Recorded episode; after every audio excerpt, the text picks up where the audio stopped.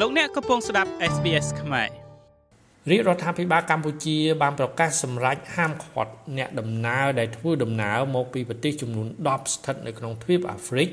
មិនឲ្យធ្វើដំណើរចូលមកកម្ពុជាឡើយការហាមឃាត់ដែលនឹងអនុវត្តចាប់ពីថ្ងៃទី2ខែធ្នូតទៅ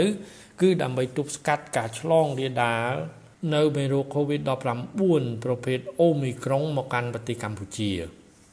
សេចក្តីប្រកាសកាលពីថ្ងៃទី29ខែវិច្ឆិកាលើកឡើងថាដើម្បីទប់ស្កាត់ការឆ្លងចូលមកកម្ពុជានៅមេរោគ COVID-19 ប្រភេទ Omicron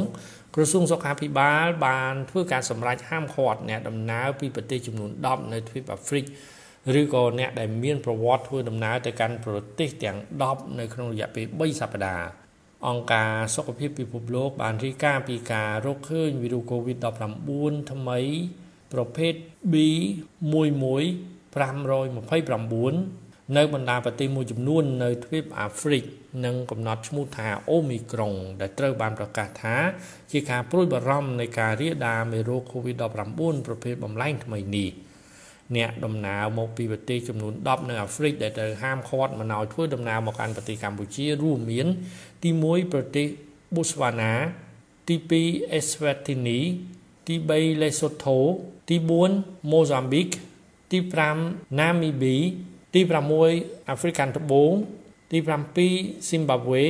ទី8ប្រទេសម៉ាឡាវីទី9ប្រទេសអង់ហ្គូឡា និងទី10ប្រទេសសាំប៊ី សូមបញ្ជាក់ថាមកដល់ថ្ងៃទី30ខែវិច្ឆិកាកម្ពុជាមិនទាន់រកឃើញអ្នកឆ្លងវីរុស COVID-19 ប្រភេទបំលែងថ្មីអូមីក្រុងនៅឡើយទេនេះបើតាមការបញ្ជាក់របស់លោកស្រីវិចាំដិនអាវ៉ាន់ឌិនរដ្ឋលេខាធិការនិងជាអ្នកនាំពាក្យក្រសួងសុខាភិបាលចាមកដល់ពេលនេះខ្ញុំសូមអញ្ញាតជំរាបជូនថាយើងមិនទាន់មានរបាយការណ៍ណាដែលបង្ហាញថាមានការចម្លងចូលនៅ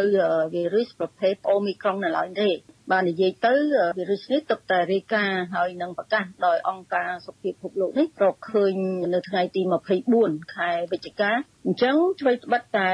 មិនតាន់វីរុសនេះមិនតាន់មកដល់ប្រជាណាចក្រកម្ពុជារបស់យើងដោយខ្ញុំតែងបានជម្រាបជូនបងប្អូនសាធារណជនទាំងអស់រួចទៅហើយថាវីរុសនេះវាមកតាមណាគឺវាមកតាមការចល័តរបស់បុគ្គលមានន័យថាតាមអ្នកដំណើរដែលគាត់ធ្វើដំណើរចេញពីប្រទេសមួយទៅប្រទេសមួយប្រទេសមួយទៅប្រទេសមួយ ចាប់តាំងពីសម្រាប់បើកដំណើរការប្រទេសឡើងវិញកាលពីថ្ងៃទី1ខែវិច្ឆិការហូតដល់ថ្ងៃទី29ខែវិច្ឆិកា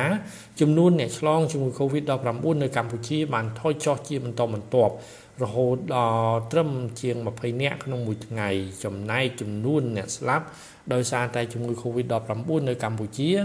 មានចំនួនចន្លោះពី4ទៅ5នាក់ក្នុងមួយថ្ងៃមួយថ្ងៃខ្ញុំម៉េងផល្លា SBS ខ្មែររាយការណ៍ពីរាជធានីភ្នំពេញ